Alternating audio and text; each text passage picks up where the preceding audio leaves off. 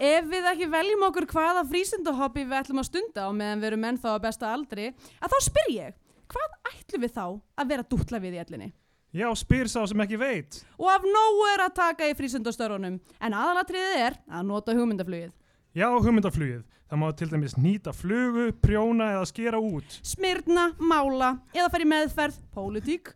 Nú, eða búa til litla heimildakvikmynd eða spila golf. Aðalatriðið er að leggja vel niður fyrir sér hvað þetta má á endanum allt kosta. Í Bíotvíu dagsins tökum við fyrir kvikmynd Guðnir Halldórsdóttur frá 2002, Stella í frambóði.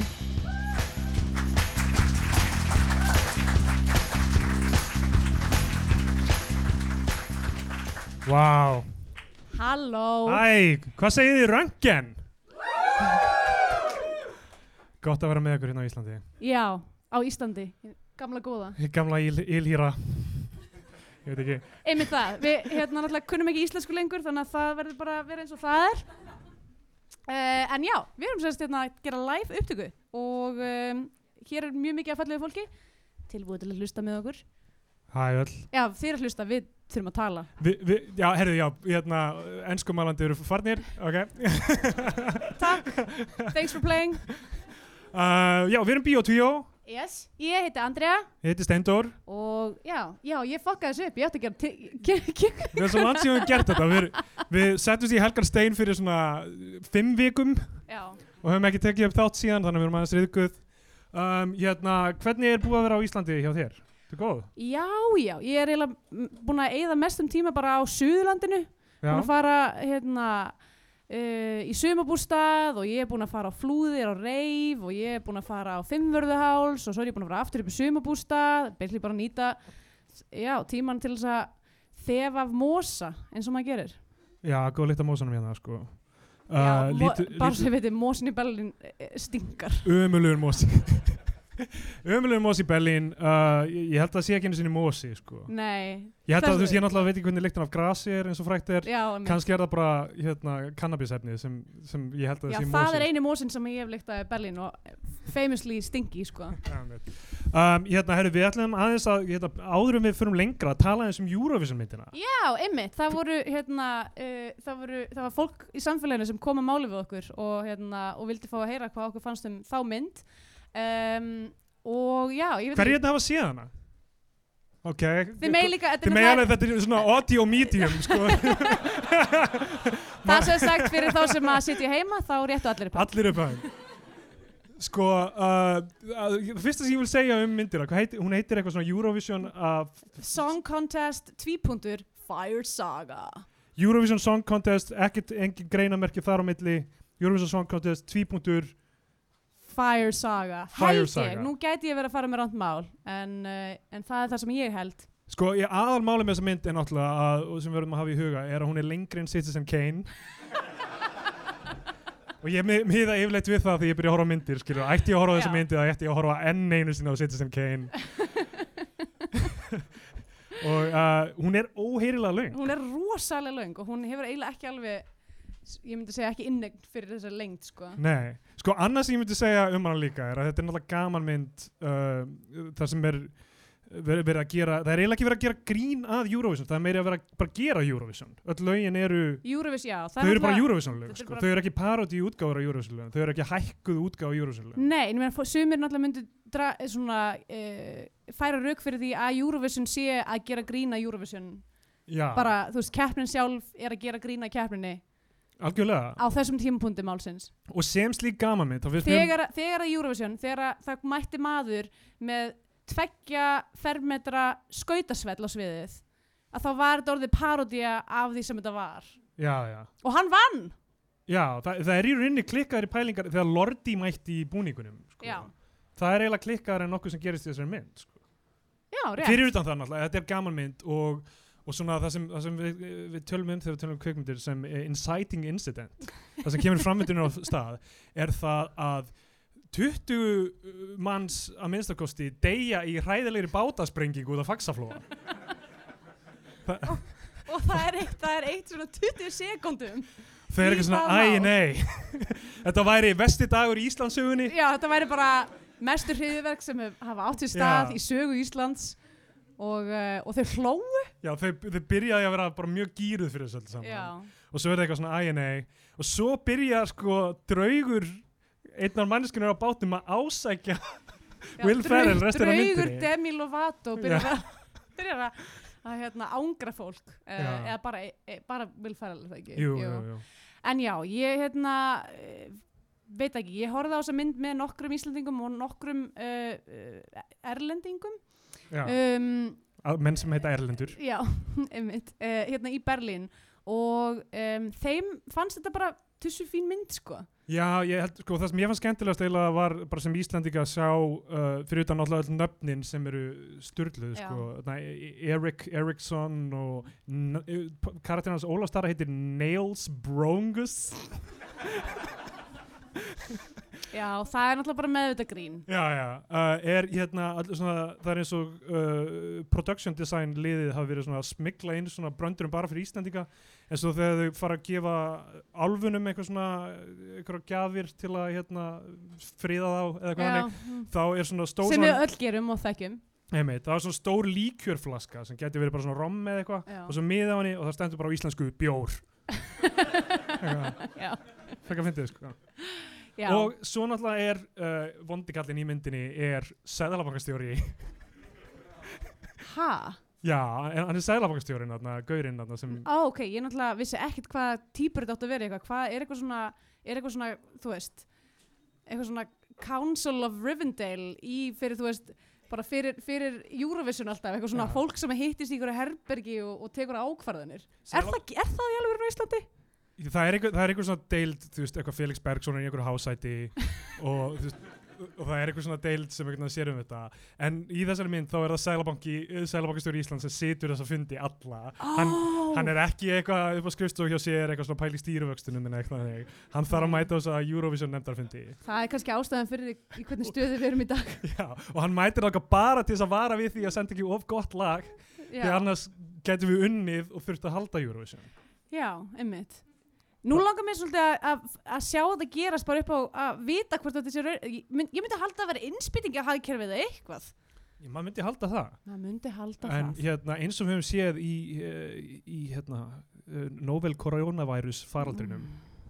að þá þá er, þá, hérna, er uh, ferðamanna innan er búin að sprengja þetta alltaf utan á sér Mm. og það er alltaf huggulegt að ferðast um landi núna, finnst þér það ekki? Jú, Hvað með enga ferðamenn? byttu fyrir þér En það er búið að, sástu í fréttinum í dag, það er búið að, Íslandsstofa er búið að setja upp hátalara á sjö stöðum á landinu. Sáu þetta? Það sem útlendingar geta í gegnum internetið öskrað á Íslendinga. Þetta er eitthvað svona, ég maður ekki hvað þetta heitir, þetta er eitthvað Scream your lungs out for Iceland eða eitthvað, þannig kjátt það. Er punkturinn þá að fólk getur ringt inn og öskrað eitthvað svona að því að Ísland er nokkuð ósnert af kóruna og þá, þá getur það verið svona eitthvað þú veist, bara að taka þetta út á fólkinu sem er bara eitthvað líklega að, að, hérna, að fara á einhver reif út í sveit og, og fara í sleik við alla. Já, já, eins og, eins og við gerðum á þessu reyfi. Já, við gerðum það. Uh, ég, þú sko, ég held að það sé ekki hugsunin hugsunin, ég, ég veit ekki hver hugsunin er. Hugsunin er einhvern veginn að, þú veist, fólk geti æft út í náttúruna, þú veist, ég horfði á einhvern ok, ég horfði á einhvern fyrirlestur það er náttúrulega markastofa uh, bandarísk sem fekk hennar samning við Íslandsstofu um að kynna Ísland eftir, eftir hérna vírusinn Eftir. Já, og gaurinn sem heldur utan um þetta er, uh, hérna, hann var með Obama herferðina, hérna, Hope og eitthvað svona. Já, bara einhver New York gaur sko og hann var með eitthvað svona fyrirlestur um, fyrir Íslandsstofu sem var varpað og ég horfði á hann allan. Mm. og, og af hverju gerði ég það? En ég horfði á hann allan og, og hann, hann var að segja þú veist og þetta er svo fyndið hvað þetta er svona kalkulerað allt saman sko, hann var bara eitthvað sko, Íslandingar er svona, þú veist, reyna og flotta og fallega ímynd og, og hvað hugsaum við, hvaða fólk er það sem vil koma til Íslands? Það eru adventurous thrill seekers og það eru health conscious travel uh, experts eða eitthvað svona, þú veist, það eru eitthvað svona flokkar sko, Já, já. er bara, og þeir eru bara með eitthvað svona crawler á netinu að reyna að fatta, þú veist, hvað fólk er að læka og, og eitthvað, eitthvað þannig, hvernig fólk er líkt Þeir til eru að að búa til svona orðaský Já og hérna uh, og þú veist, eru búin að leggja út nákvæmlega hvernig, hvernig ætla að höfða til fólks. Og svo voru bara svona myndir á þú veist, eitthvað högna og fullt af ljósæðu fólki. Eitthvað Íslendinga bjóða allar velkomna og eitthvað svona fínt. Og svo er sko slagorðið fyrir þetta allt saman er uh, personal sustainability. Þú veist, Ísland er með markmið um sustainability og personal sustainability er það sem við erum alltaf að leita að núna að geta einhvern veginn eftir þetta áfall að finna hvað það er sem skiptir okkur máli í lífinu og líða þú veist, vel uh, heilbrigðum og þú veist, geta rækta okkur sjálf og hluti af því er að vera út í náttúrunni í bara algjörlega öskra tvegg- bláklukkur Já, algjörlega, ekki tveggja metra regla þar, skilur, þú veist, það er tveggja já. kílómetra regla Einmitt. og þeir voru reyna að selja það þannig og, og svo endaði hann fyrirlæsturinn að því sem var styrlað, sko, að hann svona röddina hans aðeins svona fór niður og hann and of course the tragic death of George Floyd og kom upp Oh. svona mynd af hérna einhver svona graffiti einhvers þar í bandarækjunum George Floyd, eitthvað við minnumst hans eitthvað hræðilegt lögur glóðbeldi uh, við erum að passa okkur á þessum tíma að hvar við erum að auglýsa og, Og- og passa okkur að svona stíða ekki ómikinn í þetta svona mótmálarýmið eitthvað svona frekar suppilegt sko. En samt svona orðað eins og hann væri alveg bugaður yfir þessu sko. smá dánir. og svo ok, ég ætla að enda þetta með tveimur kótum í merkilega menn. Það voru Bill Gates og Bill Clinton. Það voru tveir billar. Double bill. double bill. En alltaf þetta er eitthvað hluti af þessari herrferð örugglega, bara þú veist, þú getur öskra út í náttúruna. Og það er allir sem er eitthvað að öskra gegn netið og að sjá, þú veist, öskrist þetta enduróma um, um einhver víðerni og er bara eitthvað meðlangar að fara á og gera þetta í alvörinni eða eitthvað, ég veit ekki, Já. frekar klika Ok, allavega þá, ég ætla að testa þetta þegar ég fer aftur til Berlinar. Prófa að sjá, sjá hvort ykkur er í mér. Þið, þið, þið leggjum við hlustir. já. Eh, já, við getum alltaf farið út Ég og mun byrja alltaf, þið vitið öll hvað ég er að fara að öskra sem að hafi hlustað oft. Uh, ég veit ekki eins og hvort ég þarf að segja en, en það er hlustlega hashtag brennum suðunes. Um, kannski fer, er einn hátalarinn á suðunis það er alltaf fyrsti staðarinn sem ég ætla að að gá, er hvað er ekki að öskrað. já Um, viljum við bara, þú veist, viljum við segja eitthvað meira um Eurovision-myndina? Er, er eitthvað, eitthvað atriði sem ykkur finnst, uh, Já, er- viljum við hrópa eitthvað fram hérna, eitthvað atriði sem ykkur fannst skrítið? Komment úr sal. Það er allir svo feimnir, sko. Já, Allir búin að vera Já, já, já, ding dong jóki Ég held að sé sko, ef ég, ég er búin að vera að að brjóta þessa mynd niður út frá þú veist sjónarhornið þess ef ég væri Will Ferrell og mikið af því er til dæmis bara hvað, konan er sænsk, ok, þannig að rosa mikið ástæðan fyrir að hann er með sænskan hreim í þessari mynd er nákvæmlega það. Uh, ég held að hann hafi heyrt öruglega eitthvað svona, eitthvað svona, eitthvað svona þýst, eh, eitthvað svona slagar grínlag Já, á einhverjum tímapunkti og verið bara, þetta er öruglega fullkomið. Og bara skrifa eitthvað þannig inn og það sé ástæðan fyrir því. Svona hva, hvað hétt aftur hérna? Það var eitthvað svona lag. Næ gott ágisk samt. Um, en já, með reymana mér finnst sko, Rachel McAdams Pierce Brosnan, veit ég ekki hvað var hann var að gera en það sem að, Hann Ég- sko, tókst eftir hann sat eða alla myndina. Er hann kannski bara á bara síðustu metrunum? Ég held að hann hafi bara gert eitthvað svona díl eitthvað, ok, ég skal vera í þessari myndi, það er ekki standa upp. Já. Ég má bara sitja hana eina sem ég vil er að fara á Húsavík og fá að sjá eitt kval og ég vil ekki standa upp. Hvað sem gerist, ég vil ekki standa upp. Um, en það sem að mér fannst eiginlega mest disturbing er að íslensku leikararnir voru stundum með einhvern íslenskan hreim sem ég var bara, hvað er þetta? Já, bara ég hef aldrei heilt Íslanding tala svona. Hvað, þú veist, allir þessi svona veist, að hlusta á annað fólk reyna að gera íslenskan hreim hafi svona, smi- veist, og, ég var eins svona að vinna á veitingastæða þar sem var óslega mikið af mismunandi fólki og ég tala fína ensku en var samt alltaf bara eitthvað you take fork, table 18 think veist, að þau séu bara með eitthvað svona Stockholm syndrom og þess að séu svona skrýtna reyni Já, ég verð mjög meðvitaður um ef ég á að gera íslenskan heim á ennsku sko, og ég byrja að fara bara í einhverja björk og Já, eitthvað, veit, ég held að, ger, ígeta held að geri það allir. Já, ok. Er þetta steinun eldflög, hérna DJ Flugvél og Gameskip er svona, hún er ekki alveg með björk en hún er, hún er í svona sama stíl, bara aðeins herra, aðeins herra register Já, sko. einmitt. Já, ég veit ekki, ég held ég er búin að tala um út um þessa mynd, sko. Já, ég heldur sem búin að tala um Eurovision að, það, ástæð fyrir öll saman komin hérna á rengeri til að tala um svo mjög relevant mynd sem kom út fyrir 18 árum uh, Stella í frambúði og að- er í hugum okkar allra eiginlega stanslust sko. Já. seminal mynd ég bara, þegar ég legg höfuð á kottan, að þá bara byrjar hún að spilast, þú veist, í- í auglökunum mínum, þessi mynd, sko. Hafði þú, þú hefur ekki síðan áður? Ó nei, en ég hafði líka aldrei séð Stellu í frambúð, nei Stellu í Orlofi fyrir en við sáum, horfðum á hana fyrst sko. Þannig ég, hérna, þetta var eini pulsupakkin sem ég fekk ekki. Já, við, hérna, við vorum búin að tala um Stellu í Orlofi uh, í Mhm. þætti og uh, vorum nokkuð ánægð með hana. Já, við vorum nokkuð jákvæð, myndi ég segja, með okkur. M- Mín saga með hana var að ég horfði ekki á hana fyrir en uh, 2012 held ég í fyrst skipti. Og það var rétt eftir að Afi minn dó og hann leikur í henni. Já. þannig ég var, svona, ég var að sjá það sem Afi gerði. Og hann er í, í henni og er mjög skemmtilegur og þá var ég bara ekki í stuði fyrir þetta bara, sko. afi var gæll Nei, mér finnst Afi góður í þessu en bara ég var ekki, ekki í stuði bara eitthvað svona, að Afi, það er hérna, að horfa á hann í mynd. Og svo eitthvað, restin er eitthvað svona, Edda Björgjum eitthvað, ó, eitthvað, dettum allt og, og gestur Einars og eitthvað, hérna að, að- já, eitthvað svona slapstick og ég var bara Já. ekki í stuði. Svo horfðu hann aftur og ég var bara mjög hrifin af henni. Já. og svo mynd endar á því sko, ha- hafa ekki allir séð stelu í Orlofi sant? Já, Ok, allir hafa séð hana. Nokkuð gott. Uh, hverja hafa séð stelu í frambóði? Ok, Já, eiginlega allir. Vá. Hún var náttúrulega í Hún er sjónvarpinu búin að vera á sarpinum. Hún var í sjónvarpinu þegar fósitakostningarna voru. Það var mjög skemmtileg dagskrá hérna, kjörstæðir lokuð og svo var kostningasjónvarp á dagskrá í tvo tíma. Og svo var bara eitthvað að stella í frambóði og eitthvað, það var enginn að búast við eitthvað svona langri talningu eftir þessar kostningar einmitt. Það er bara fyrstu tölur og svo bara mega Ólafur Harðar og bóið fara heim. Og þeir eiga skilir, þeir hafa Já. unnið sér það inn. Ólafur Harðar er í þessari mynd eða sem sagt, hann er ekki í þessari mynd það er Hjálmar Hjálmarsson. Mm. leikur það er bara, þú veist, það er í, Já, já. í sjónvarpinu það er kostningarnar í þessu. Þá kemur eitthvað svona, hvað segir þú Ólafur Harðarsson og ég eitthvað, fokk, er það að fara að setja alvöru stjórnmálfræðingarna eitthvað, en þá er það Hjálmar Hjálmars að leika Ólafur Harðarsson Sem að, hvort finnst þér það betra eða verra en cameo?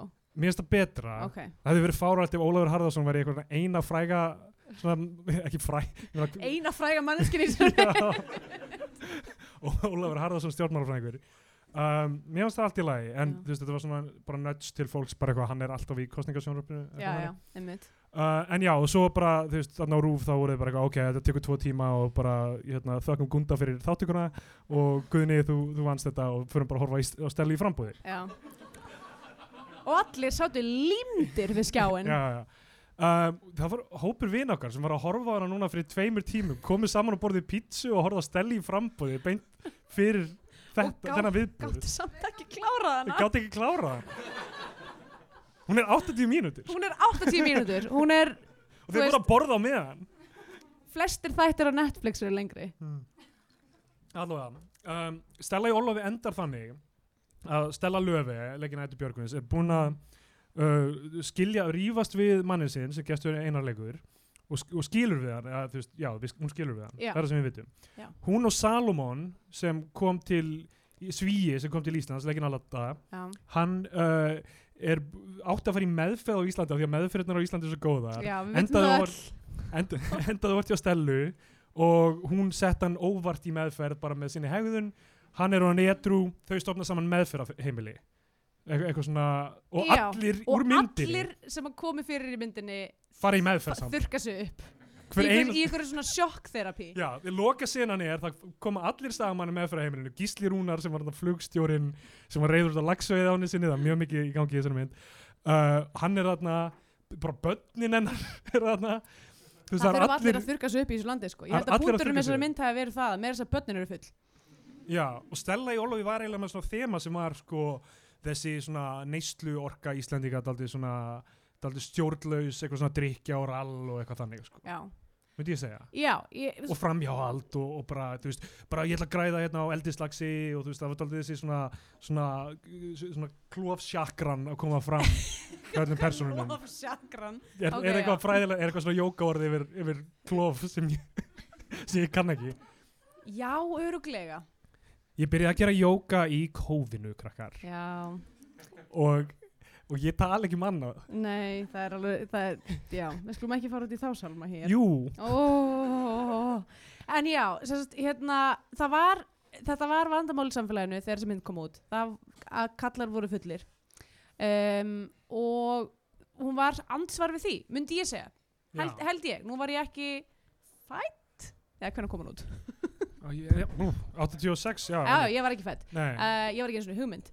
Um, og, en, en já, þessi fyllirismenning hjá íslenskum sjómlum var farin að gera nokkuð marga gráhærða og þannig að þetta var eitthvað svona ansvar við því myndi ég telja, sem er, myndi ég segja kraftur þessar myndar í rauninni og ástæðan fyrir að fólk elskar hana í dag er að hún var bæðfindin og líka að tækla eitthvað sem að var raunverulegu hlutur sem að fólk pældi þannig að og uh, já, og svo komum í við sko. einmitt, svo komum við inn í Stella í frambóði Já, 16 árum síðar. 2002 Já, það er, það, er, það er lengra á milli okkar og steli í frambúði í tíma en steli í frambúði steli í Jólafi.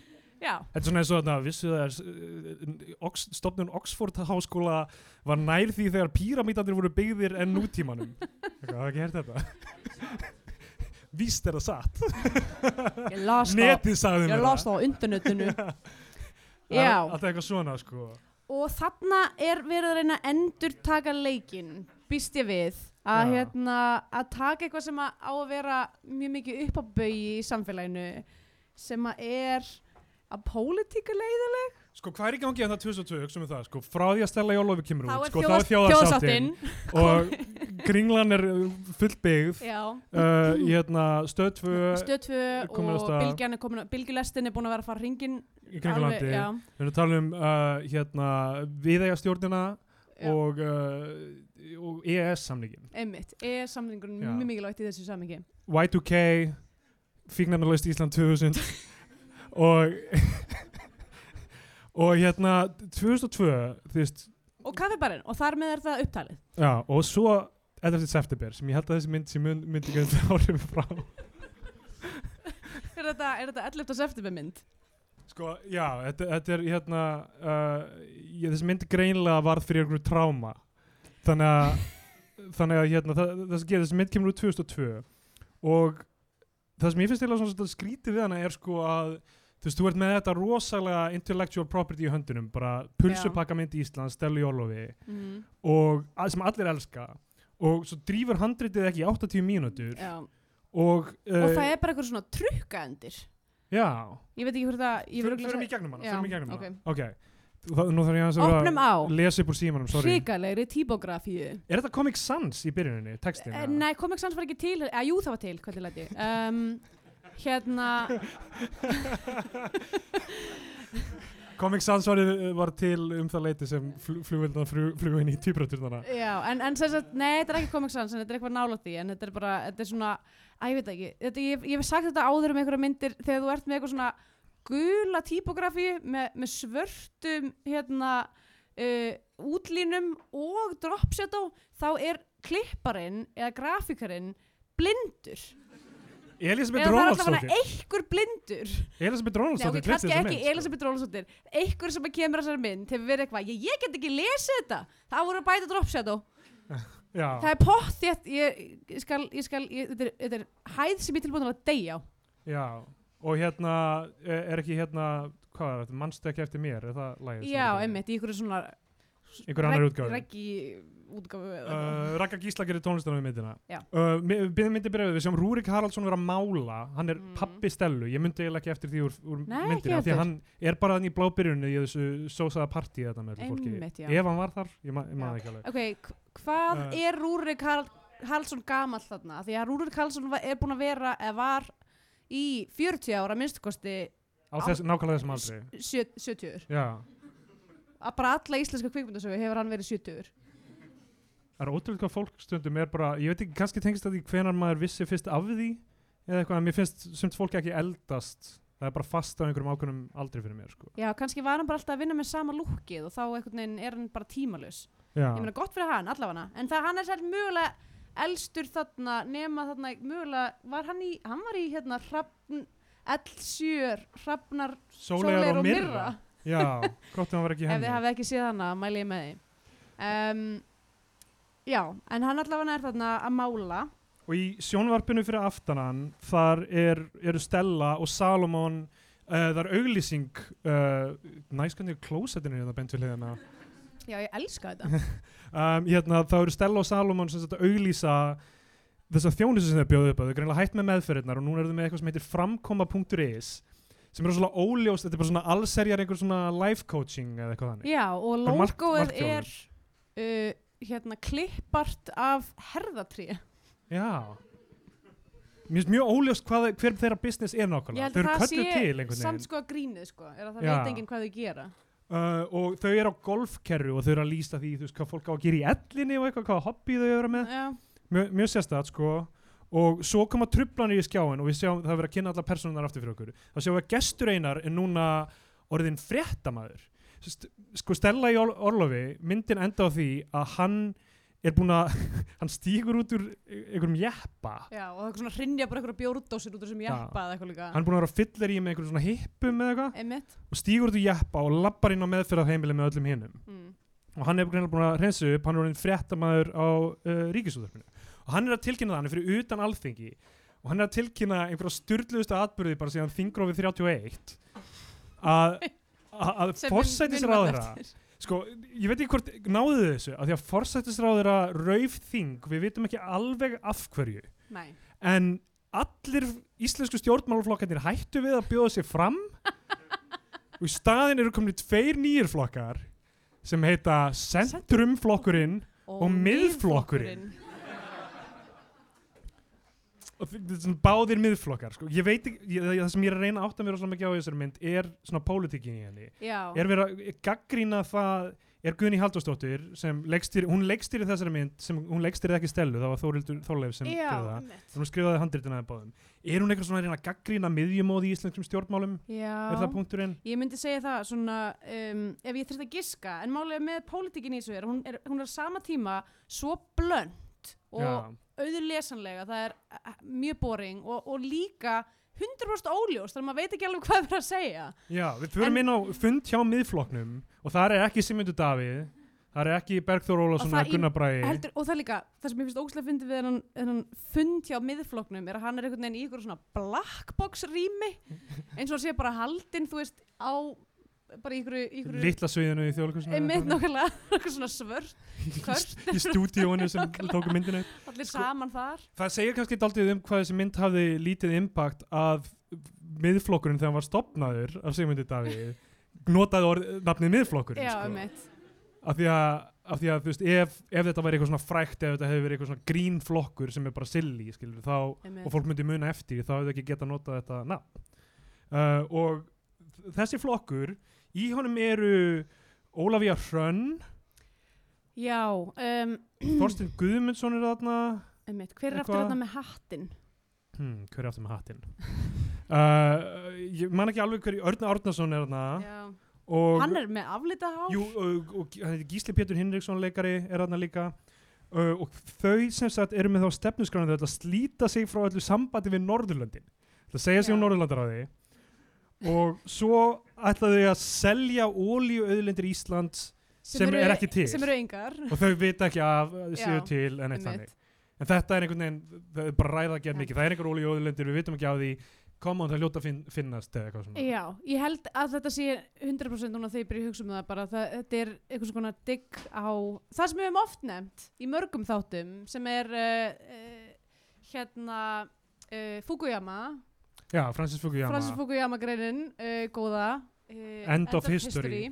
að það sé engin hugmyndafræði lengur uh, og við séum bara öll í ykkur held smiðimóði það sem eftir er og þetta sé cirka það sem þessi mynd fjallar um. Já, Gunni Halldórsdóttir örgla rótæk kona uh, hérna, sér þetta Já, og hugsaður ég verða að stinga á þessum kýlum eina, eina trúin í þessu landi er neyslan. Já, og uh, ekki ósamála en þú veist gerir samt ekki góða mynd sko. Nei, sko um, svo sem sagt svo eiga þau eitthvað sko, ég er mjög ráðviltur með samband hennar og Salomons þau eru einhvers konar viðskiptafélagar. Hann Já. er alltalandi á íslensku á þessum tímóti Já, sem ég finnst mjög leðilegt ég vildi, þú veist akkur að ditcha gott grín. Já, og þau Sæn, sænskur reymur verður alltaf fyndin svíjar maður. Vi- vinur þinn, þú- svíjar þú- verða alltaf aðlóttusefni það er bara þannig. Mér finnst ekki mjög fyndið hvað er í gangi svíð og þess nei, mér finnst það hilarious. Það nei, ég segi svona, það er ekki fallegt. Sína En- sitt rétt að lit núna svíjarnir já, hmm, Ha, sorry. Er, er einhver svíjar í salunum? Já.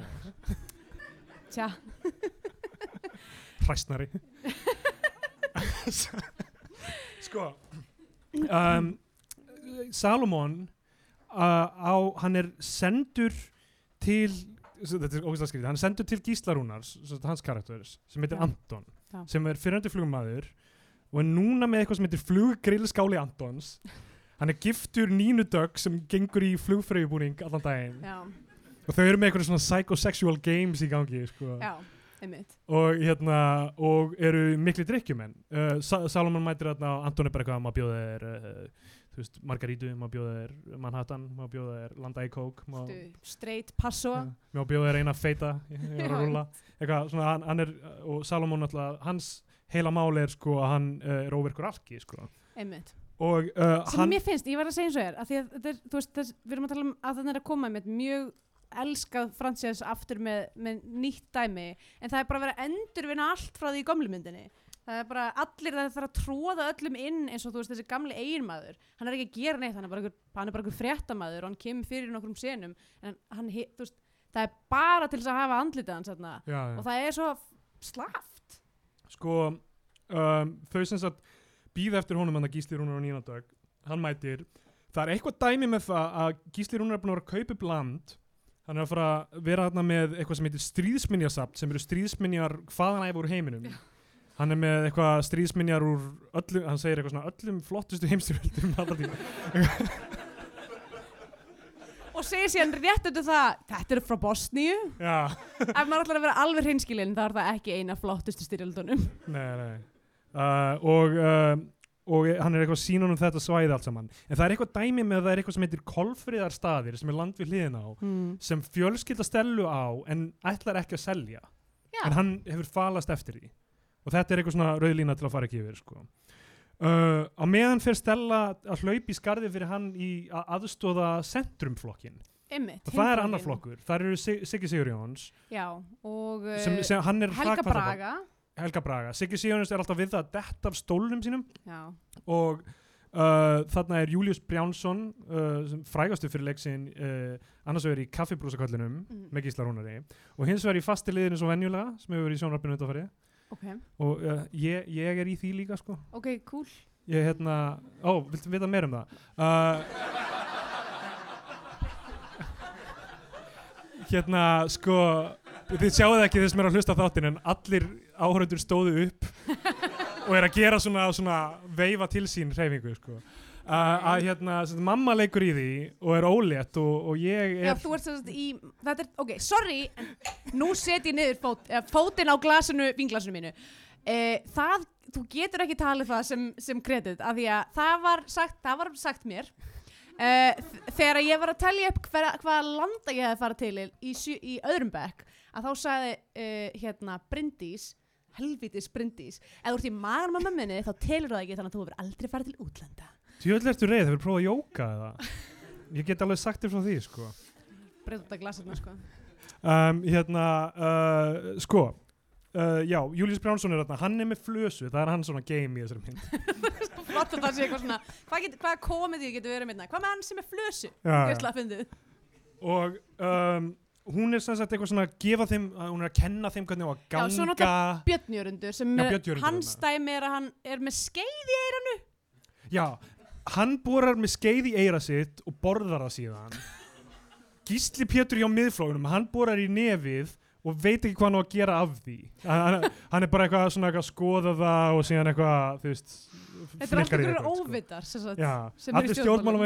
Ég veit ekki hvað gerðist þarna með þetta þingróf en ég fann að halda að það hafi verið eitthvað svona Fire and Ice saga style bátasprenging Einmitt, það er bara allir allir sem hafa nokkuð tíman tekið eh, stjórnmálafræði dói á einu bretti. Já, já, það var tekið stjórnmálafræði. Ég veit það ekki.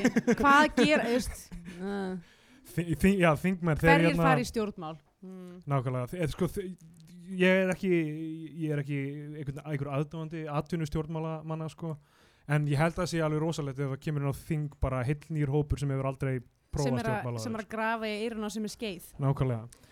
Og hún er að kenna þeim að lappa í átt að svona, uh, hérna, hljóðnema svona, eða fréttamanni.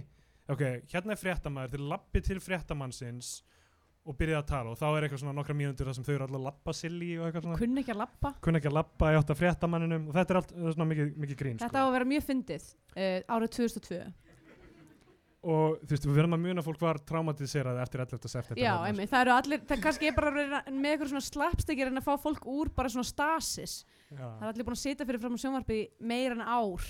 bara-. Hvað er þetta gælur að gerast? Og svo kemur Stella í frambóðu og þá er fólk að, já, einmitt. Og hérna, og meðan er Gísli Rúnar sem að sína uh, latta landi sitt sko. Mm. og hann er svona, hann er alltaf að drekka hann að drekka, hann er bara svona landa í kók undir sætinu sínu í einhver brúsa, hann byrjar að drekka úr kíki, hann er svona með kíki opnar Einmitt. hann og drekkur úr honum þetta er alveg skemmtilegt sko mér finnst það st- stuð uh, og uh, það sem gerist er að þau, þau fara að hitta Egger Þorleifsson sem var í fyrrimyndinni í Já, Kitta, hérna, Lionsklubnum Kitta, einmitt. Eða ekki Jú. sko engin mann hver eftir öðrum eftir eina styrluðustu atbyrði þú veist, fyrir utan bátasprengingar þegar flugvél í láflugi hrætti hópa fólki við el, eldi, eða eitthvað svona eld, Eldislagsveiðar. lagseldi Já.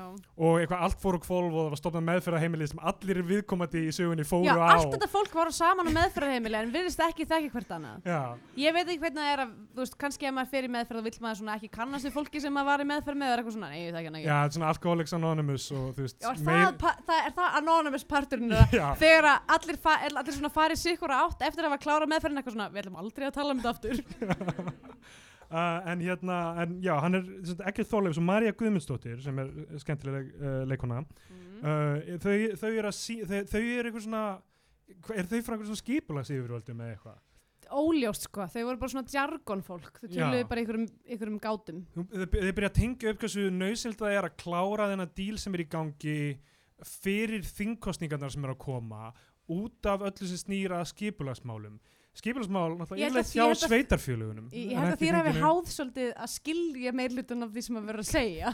já, Þegar ég var bara, já, já, þetta er bara eitthvað einmitt. En ég var að hugsa þú veist, þetta verður náttúrulega að fara í deiliskipulag og aðalskipulag og síðan eitthvað svona eitthvað, þetta er allt hjá sveitafjölunum eiginlega sko, þannig að Já, þannig að það er, þannig að það er, það er staðnendavilla í þessari mynd. og sko, ok, og það, og það sem er eh, það sem gerist er sem sagt að Salomon sulla niður bensíni ekki satt, eða eitthvað Uh, nei, já, hann aftur? það, nei, bara það er, það er, hérna, það er bensín ólía út um allt landið, bara á jörðinni. Ó, nú skil ég myndina ah.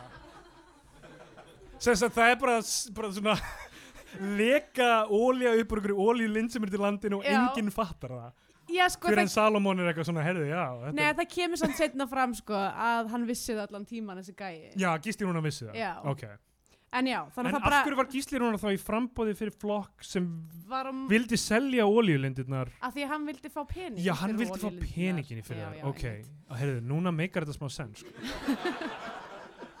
fimm stjörnur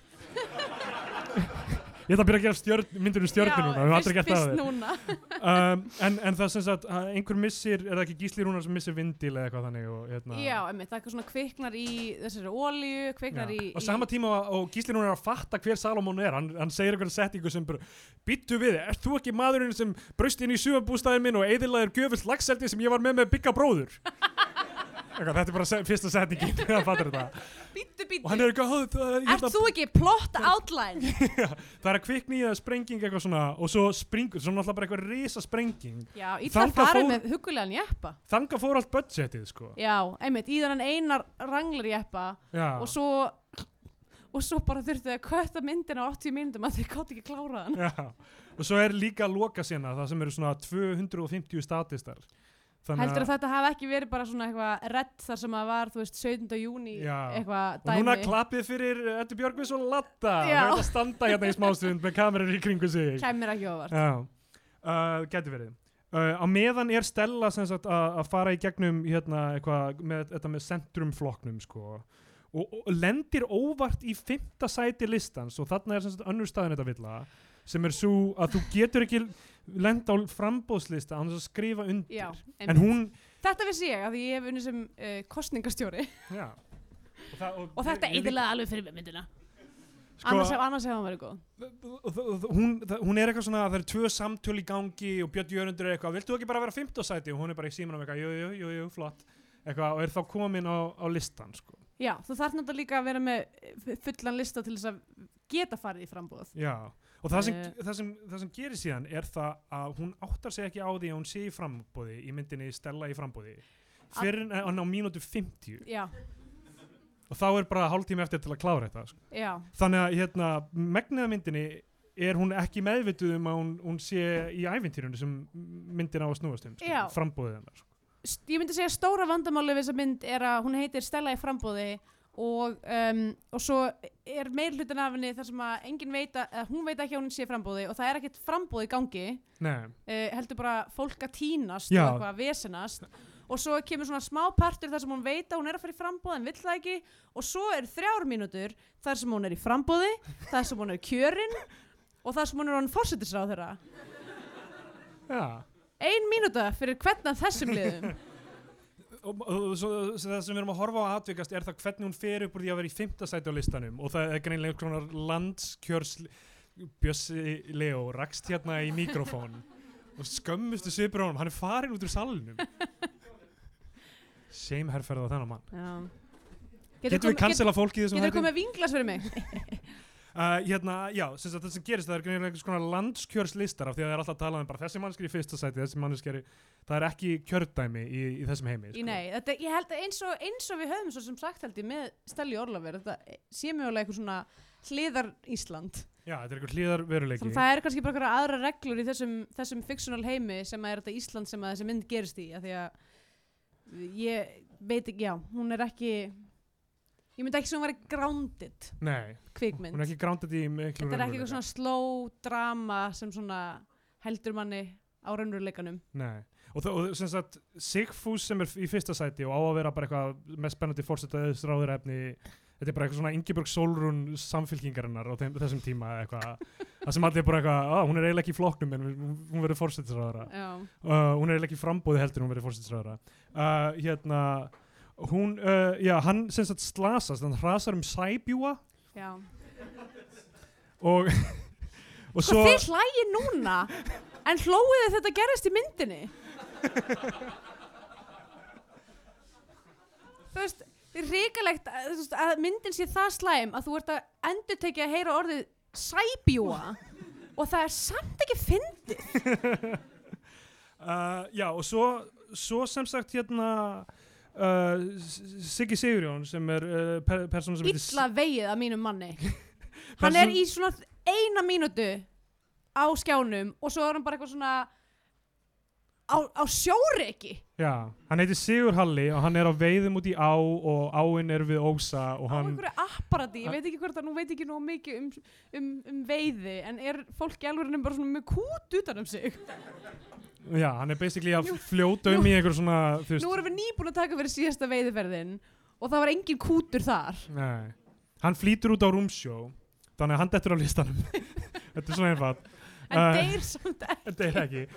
Uh, Svo er hérna Björn Jörundur hann, uh, honum líst ekkert á Stellu en hann ákveður að skipta yfir í miðflokkin já, einmitt, að því að Stella náttúrulega, og þetta er líka hlutur sem er svolítið skautað yfir að Stella er bara eitthvað, mér finnst að við ættum aftur að vera partur á Danmörku hún segir þetta bara í einu atriði og svo bara ekkert meir um það Já, sko, ok, hérna, at, atbyrðarásin er rosalega skrítin af því að það sem gerist þarna er að sagt, uh, við hættum að fylgjast með Stellu af því að Salomon eftir þessa sprengingu, hann líka borðar eitthvað kvalrengi og svo er hann bara guppa geðið lengi já. og eftir þessa sprengingu þá er hann eitthvað, uh, hérna, á eitthvað erfitt fer upp á hótel sitt og í uh, mini hérna, fridge þar sko Já.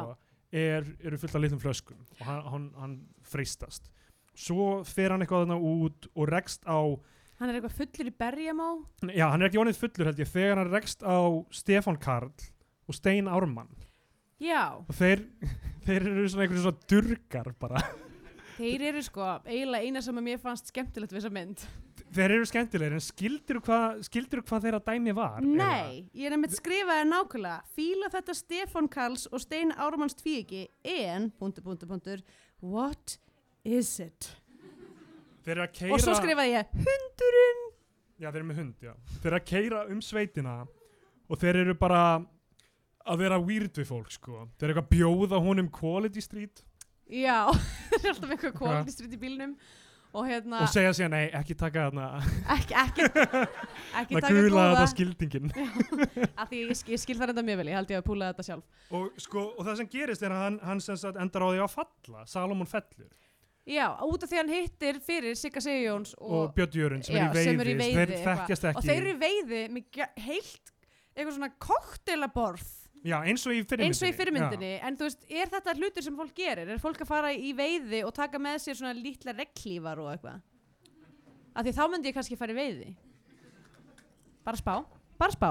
Allavega, já hann dettur í Já, það. Hann dettur í það. Og, og svo tekur við sko 15 mínúnda kapli á myndinni það sem Stella er ekki neitt. Já, hún, hún, hún bara á mínúti 30 þá hættum við að fylgjast með Stellu og hún kemur ekki aftur fyrir á mínúti 45 já aðalpersona myndinar sem myndin heitir eftir Er þetta kannski einhver sögn? Er verið að segja ykkur að þú veist, fólk sem við höldum að segja í stjórn í þessu landi, það er bara búið klokk út? já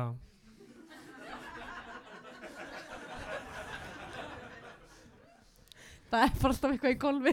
það er rétt hefur, hefur Trump er búin að uh, oftar fara í golf en hann hefur hitt uh, Fauci þannig að læknin ég er að reyna svo að halda fólki upplýstum um fréttinnar með, með, með, með þetta. Steindóri blaðmaður, eða þú það ekki. Uh, sko, ok, sem sagt Salomon er bara svona að ráfa um þessa sveit. Hann, hann, er, hann er sko þessi mynda ætti náttúrulega ekki heiti stella í frambúði heldur Salomon fellur.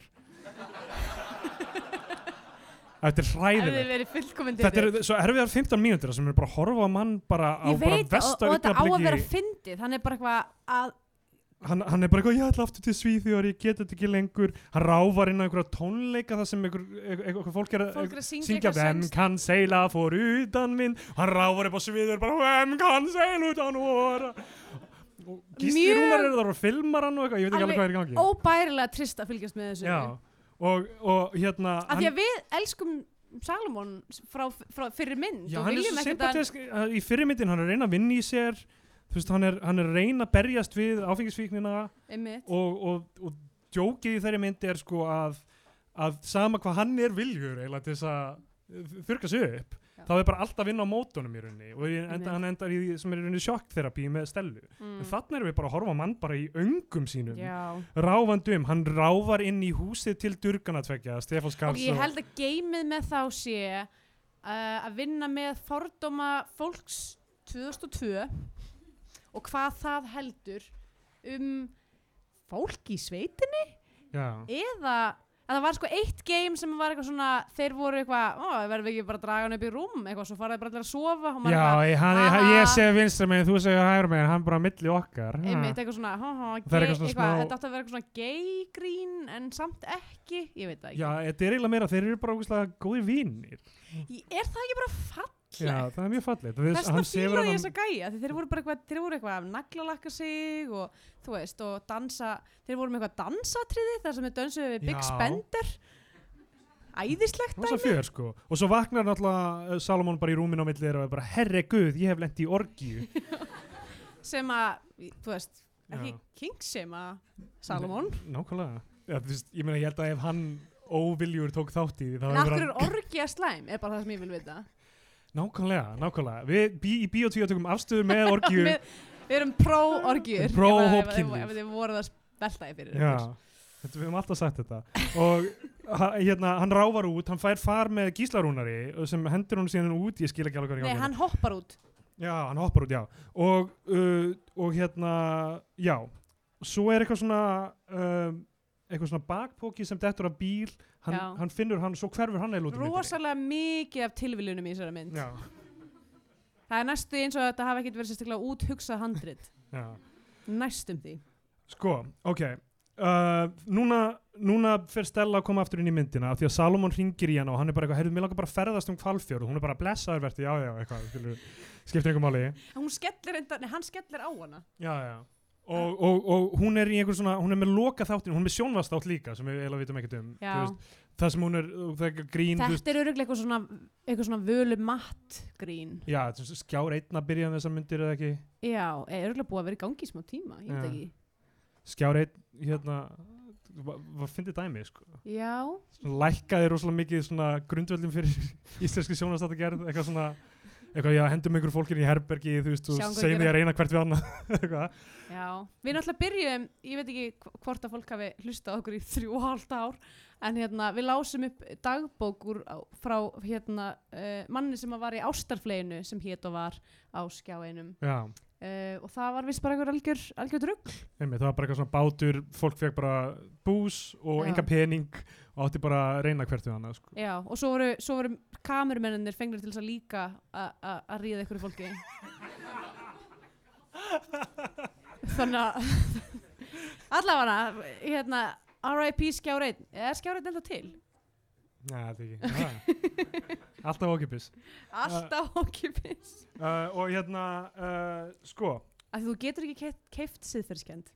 hún, uh, hún er eh, sem sagt, með loka þáttir sinni í sjónvarpi og, uh, og f- fer, klárar hann og það er eitthvað svona grín með að kredlistin er alltaf að byrja og hætta eitthvað. uh, hérna, og Sigfús sem steg á Sæbjúa, hann slasast aftur á kostningafundi, á kostningafundur og þetta er svona uh, miðpunktur myndarinn eða eitthvað, ég veit ekki, á mínútu 50, hann dettur og þá er það bara eitthvað, nei, heyrðu, bara upp með Stellu, hún er í fimmtasæti, hún bara eitthvað, ég er ekki í fimmtasæti, eitthvað, jú, jú, jú, farðu upp og hún, hún bara tekur þessu vel, hún tekur í vel eiginlega að vera í Já, hún frambóði er bara eitthvað svona, ég notið tækifæri til að reyna að selja bókina mína og er bara eitthvað að selja bókina sína. Já, bókin mín er bara stefnuskrá og hérna fínt ef við hættum að vera með forseta og byrjum bara að vera með danadrottningu aftur. Einmitt.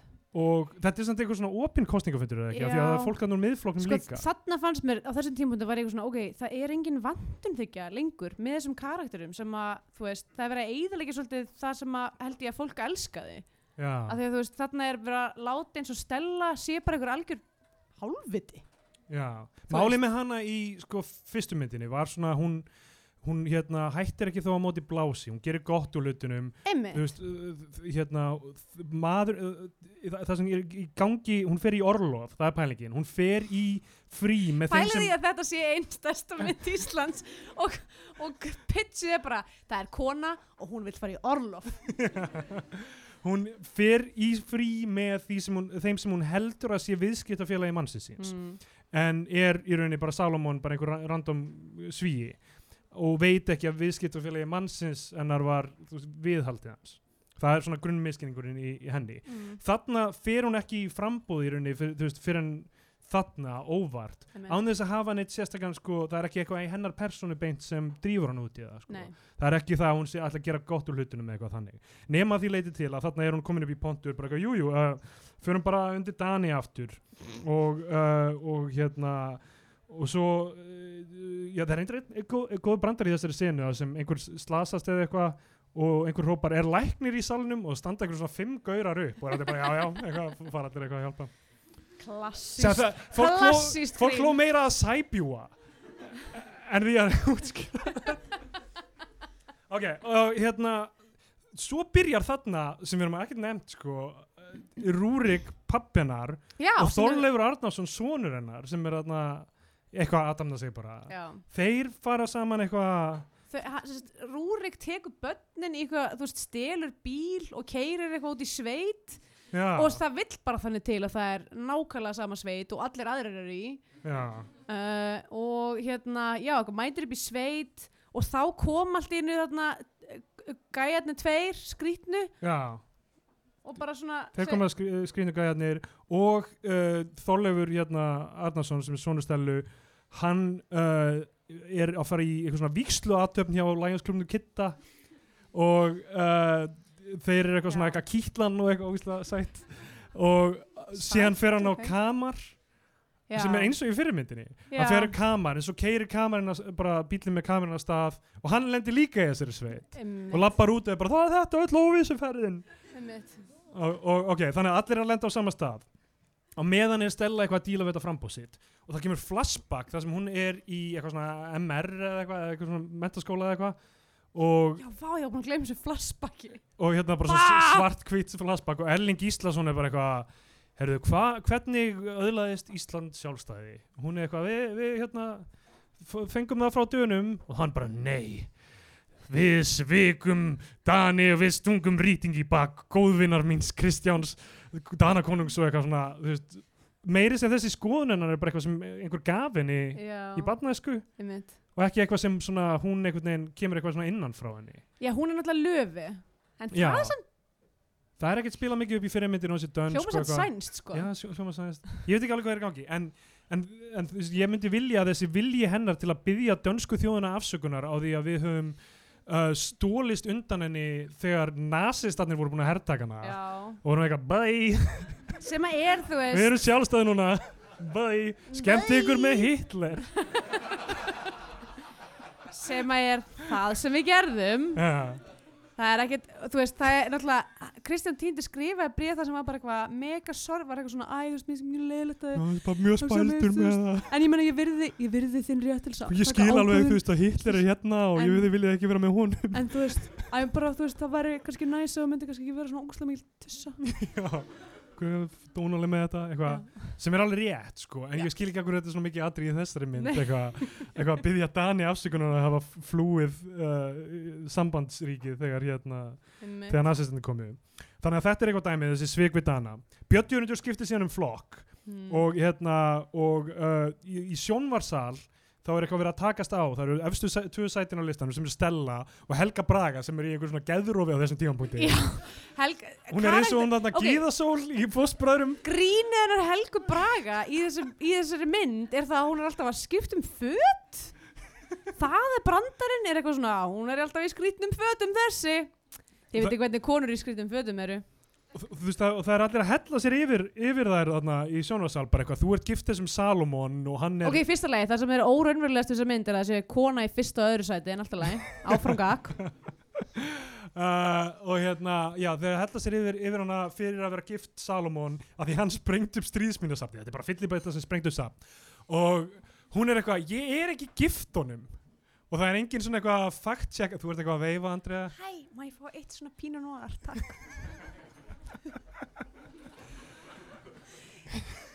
I'm baby. Og hérna, já, það, er sem sagt uh, hann sprengt upp þetta safn og eitthvað og, og það er notað gegn henni. Og hún er bara eitthvað, ég er ekki gift honum. Og það er engin svona spirillin er ekkert eitthvað svona jú. leiðrétta þetta. Herru, by the way, sáðu því fréttum í dag? Uh, það les engin fréttir nema þú stendur í júli uh, að Ghislaine Maxwell? Þið veitir hvað Ghislaine Maxwell er að Gísli, Gísli Maxwell? Gísli Maxwell sem er hérna samstarfskona Jeffrey Epstein var komið í ljós í dag að hún er gift. En það er hverki ópenbarlega skráð. Þetta er eitthvað svona lögfræði gift hverjum? Það er það sem enginn veit. Hverjum er hún gift? Ok, þannig að það er svona giftingavottorð og það er bara svona, er svona, svona heppileg svona klessa á blaðinu. Já, allir það ekki. Þú veist, Vá. þetta er eitthvað svona lögfræði triks eitthvað að hún fær einhver réttindi út á að vera gift eða eitthvað, ég veit það ekki. Ég skildi þetta ekki alveg wow, Oh þetta er hraðasta service sem ég hef nokkuð tíma að sé Þvílík þjónusta hérna á röngen, góð þjónusta á röngen, röngen, góð þjónusta á röngen. Já, það er ekki hérna, heimilis fjármál vinað okkar sem er í húfið þess að fólk stundi viðskipti hérna. Það er bara það að við viljum styðja þennan fína bar sem ég veit ekki eins og hver á hann. Ég veit ekki eins og hver á það. Uh, og hérna, um, og þetta er eitthvað uppdótt í sjónvarsal sem enda með því að Helga Braga bara eitthvað fer yfir um með eitthvað þannig, þannig að Stella endar í fyrsta stæti. Og eftir hennar þátt þá ætlar hún Jú, að hún segir, Helga Braga segir, hún treystir sér ekki, mögulega út af því hún er í geðrófi. Já.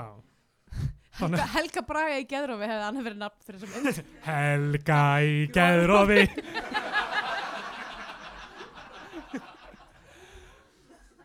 og hérna og, og, me, og, Kemur þess- þér bara ekkert við að hún er í geðrófi.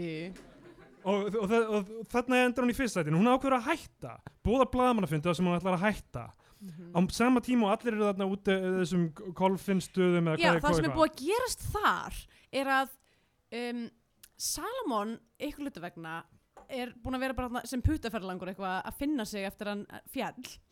Og hann ákveður að drekka vatn úr einhverjum polli og fær óli upp í munnin og er eitthvað svona Eureka! og býr til eitthvað eitthvað sko, eitthvað, hann tekur hjól í sundur ímyndið ykkur að vera ég get ekki ímyndað mér að það hefur verið margir á þessum, á þessum handritsfundi. Að vera eitthvað svona, hvernig getum við komið þessu inn í? Að hann finnur hann tekur hjól í sundur og býr til eitthvað svona oljupumpu upp úr jörðinni með eitthvað reyðhjóli sem hann er búin að búa eitthvað að skrapa tól úr. Og hérna, og er bara byrjar að pumpa pumpa olju Já. upp úr jörðinni á sama tíma mæta durgarnir tveir, Stefán Karl og hérna Steinn Arman og sjá Latta og hann er í bara straight up blackface með svo mikla ólíu framann í sér og þeir halda hans í djöfullin þetta var ef, ef þetta ef Rúf var í BBC þá hefði það ekki sínt þessa með Nei. BBC og eitthvað, þetta er búin að vera ruggla saman eitthvað þegar fólk er með eitthvað mold framann í sér. Já, og er eitthvað, við getum ekki haft þetta þátt áfram And- þetta er- er black, blackface. Þú veist það klika uh, En allavega þá hérna um, hann, hann er allur svartur í framann Þeir halda djöfullin síðan þarna Fara eitthvað að tala við Rúrik og þetta lið um það. Það virðist að þið þekkjast. Já. Fólk svona random í þekkist og ekki. Og, og þarna er sko háputur myndarinnar Það sem Stella er Fuck, hvað gerðist þarna? Er þetta á lífi? Allt mjög vel hugsað um uh, heilsu og öryggi hérna á röngen Já, röntgen, röntgen, uh, góð heilsa á röntgen. um, Og já, það það, Þetta Stella er með Er á lansanum, þannig að þú veist, ef hann brotnaði þá er röntgen. Já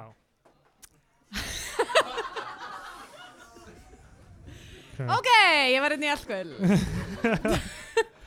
Sko, já, Stella er sem sagt tilbúin að tilkynna að hún ætla að hætta í frambúði og bara basically leggja niður centrumflokkin eða eitthvað og gefa miðflokknum Ísland basically. Það er allir reyna að ringja hana og Og sko, eitt sem veit- að ég kann svo mikið að meta á þessum blaðamannafundi sem á sér stað er að hún, farsíminn sem hún er með í þessari mynd er svona pínlítill, ég man ekki hvað hann heitir Nokia eitthvað 7210 eða eitthvað sem er hérna verkamannasíminn góði sem er svona gummi, hann var svona gummi eins og, eins og svona skopparbolta gummi hulstur utanum hann og hann var Með átt að vera höggheldur, ríkheldur, vassheldur eitthvað, eitthvað hluta vegna, ég veit ekki hvort hún sé yðnaðmaður eða eitthvað, en hún er alltaf með þennan síma og hún setur hann í vasklas ég hef bara sagt ykkur það, ég átti eins og svona síma ég tók hann í sturtu til að að ringja í sturtunni hann dó.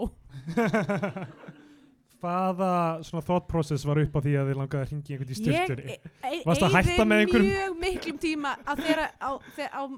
á, ákveðum tíma lífs míns þá var ég mjög ofta að taka með mig mat í sturtu ég reyndi eins og að taka með mig bók í sturtu.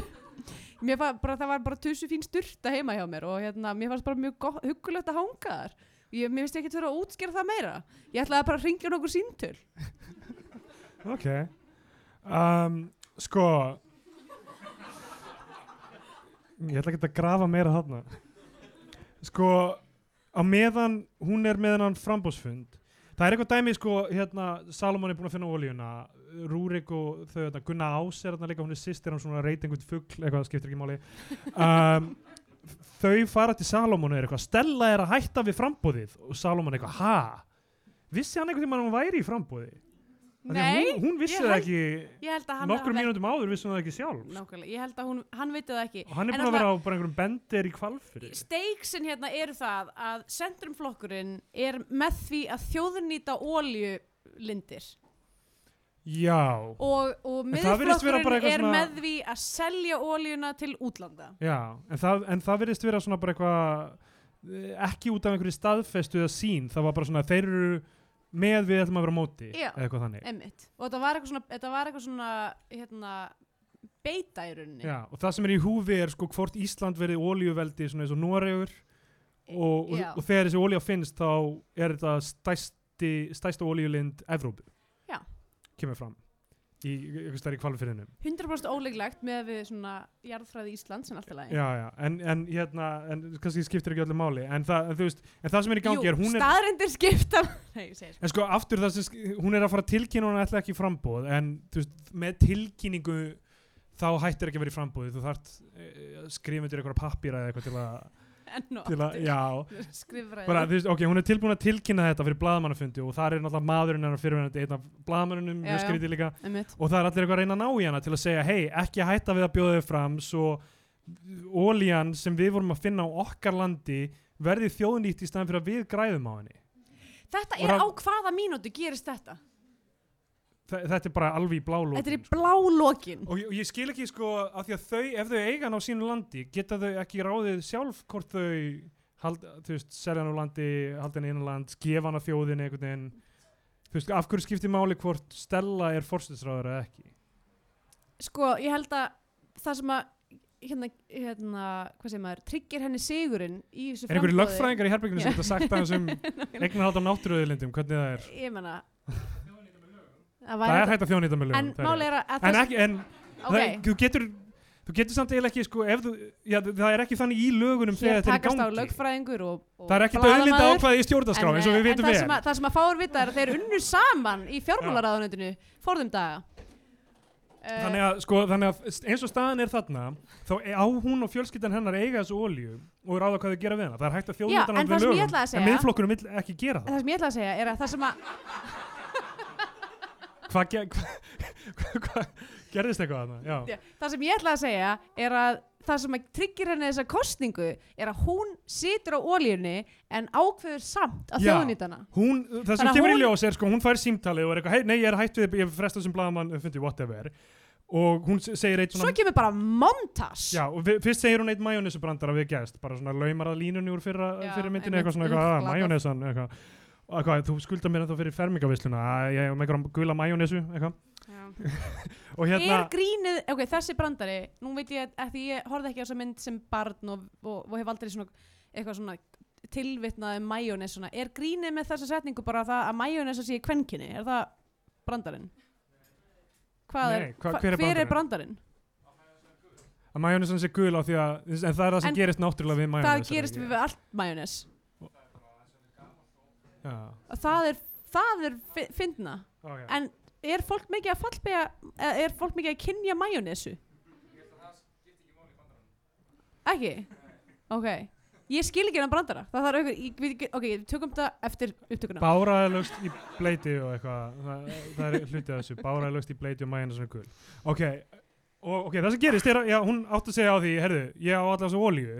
Best að fara í frambóð sem ríkasta manneska Íslands og allir stamstundis bara elskana, það er bara eitthvað fólk gengur um með skilti eins og hún sé Nei, Kim Jong-un. það er út af því að hún gefur ólíuna í þjóðari Já, en hún kaupir sér embætið hún Já. er bara, hei, ef þið kjósið mig þá ætlum ég að gefa ykkur pening. Absolutt. Þetta er bíl, þetta er, þetta er Rússland, þetta er ólíkarki eitthvað.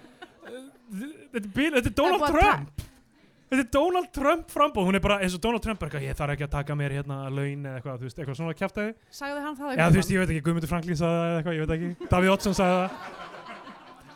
Einhver sagði, ég þarf ekki að taka mér laun. Bara ekki Guðni sem sagði það. Da Davíð Oddsson sagði, sagði allavega, hann ætlaði ekki að taka laun sko. Og Guðmundur Franklín uh, ætlaði held ég líka að gera hvað hann er Mm. en, en, en ég, ég, ég held að Donald Trump hafi sagt eitthvað svona eitthvað, ég þarf ekki, ég er eitthvað sem er ríkur eða eitthvað. En svo tók hann náttúrulega launin og já. miljóndi sig og sína. En, hérna, en, en hún segir basically, ef þið kjósið mig þá fáið þið frí á olíu. Þetta er Sko, bílað e, ok, við náttúrulega vitum það ekki af því að allt þetta gerist í ykkur mont... Ok, pælið í því að setja montas í síðustu fimm mínútunar á mynd sem er samt ekki lokakredit montas heldur bara svona, ok, let's wrap it up bara eins og þú myndir hraðspóla endan á myndinni. Já, það er einu sem gerist, við sjáum bara Ísland ekki lagi. elskar hana. Ísland elskar Stellu, fólk gengur um með stilti bara, skilti bara X Stella og mynda þetta Björgveils og svo kemur Dóri DNA og sýnir hann sem bara Stellu tattoo. Sem er mjög augljóslega feik ég fekk mér tattoo uh, og um, uh, já, og það er einhver rísa útifundur. Á meðan er Gísli Rúnar fluttur inn til sveitaturkana ég veit ekki af hverju en Nei, mitt, bara það þurfa allir að vera í suma herbyggi já, og allir styðja hana, allir elskana Já. fólk er bara, það er útifundur og allir bara, "Ah, bara þú gafst okkur ólíuna við erum rík núna. Og hún og Salomón sem er ekki maðurinn hennar og hún var alltaf að segja eitthvað, ég þetta er ekki maðurinn minn. Bara, það er ekki satt sko, hann sé maðurinn minn. Er allir með henni upp á sviði? Kannski er hann aðstofamæður já, er bara Aðstofamæður ráðherra, er það væri þetta ekki svo grunnsalegt ég held að fjölmiðlar sé að bregðast í Væri þessu þetta máli. ekki grunnsamlegt? kannski af því að fyrirvændi eiginmaðurinn hennar er aðal fréttamaðurinn í þessari mynd. Þetta er allt Þetta samsæri ógeðslegu nepotismi og spilling í þessu Íslandi hennar stelu löfi Já, þetta er náttúrulega, en ég, kannski er það bara sögnin í þessari mynd. Við erum að koma að staði hérna. Hún, Ah! hún vinnur. Ok, það er eitt sem við spólum framjá sem Ok. að var eitthvað samtal sem að Rúrik Haraldsson á við eitthvað það sem, sem að, ég man ekki eins og hvert Um félagsvist? Já, um félagsvist. Það er félagsvist, veit ykkur hvað það er? Það er eitthvað svona spil það er spil, það er bara Hver- hver er munur á því og vist? Ég, Það er sami hluturinn. Það er sami hluturinn held Það er ég bara svo félags Olsen Olsen eða eitthvað. Fjá, félags Olsen Olsen. Er fleira spila í félagsvist en í vist? Flakka á milli borða ok, uh, Ok, ok. En já, það kemur eitthvað löng ræða allt í hennu bara köttu inn í þar sem að Rúri Karlsson er að tala um eitthvað svona já, það var nú, það var nú flott í pólitíkinni í den tíð félagsvist og stemming einu sinni fórum við í rútu í Borgafjörð og svo er sena bara búin. Já, þeir eru að ströggla upp í þessar 80 mínútur sko. ég veit ekki hvort það sé eitthvað styrkjadæmi og verður að fara yfir 80 mínútur til þess að ég veit það ekki Nei, þetta er fyndið En pælið að vera búið til mynd sem er 80 mínútur og samt vera með eitthvað hraðspól í endan. Já, Það er eitthvað gruggugt þarna. Ég veit ekki hvað það er, en ég held að, þú veist, annarkvort var verið, var ykkur með bara eitthvað þumalskrúðnar á okkurum, ég veit það ekki. Eða, Já. eða þau kláruði peningin og bara, þú veist, þurftu eitthvað að sjanghæja þetta. þetta er það sem ég finnst svo skrítið við þessa mynd er þetta rosa sterka Stellu í Orlofi property sem við erum með í höndunum einhvern veginn og bara og þetta er það sem við gera við hana það er eins og þessi að flýta sér það er eins og veist, hún lúkkar furðulega. Já. það er rosalega mörg skot það einn tíma er uh, Latti að borða hambúrgara af því að sko hann á að fara og láta vita að Siggi Sigurðun sér að fljóta út á úthaf. En hann hann er búin að vera einhverju vegasjópi hann borðar hambúrgara fyrir þetta og alltaf svona bara þegar klift þá er bara hambúrgarinn á borðinu og til- höndin hans til skiptis bara, bara f- ein af, ein af fyrir myndum Elisabeth Rónaldsdóttir og svo fer hann aftur í, í sjoppuna til að Sem að gera John Wick, by the way. sem gerði, já, klifti hérna, já, og Atomic Blonde Já, já, einmitt. uh, En það gæti ekki klift saman hann hambúrgar í höndin á honum.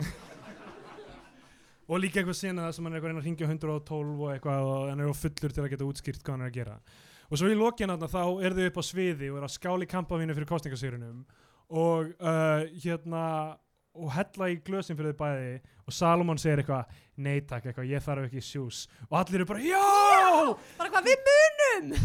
við, við vitum að þetta er gaurinn sem sprengdi upp strísminjasafnið af því að hann var svo fullur og allir voru að tala um í sjónvarpinu að hann væri kannski giftur stelu en hann þvertók fyrir það. En nú eru þau tvö saman hérna að fagna þessu og við vitum ekki hvert sambandið þeirra er. Og, hann er ætlar ekki að skrítið.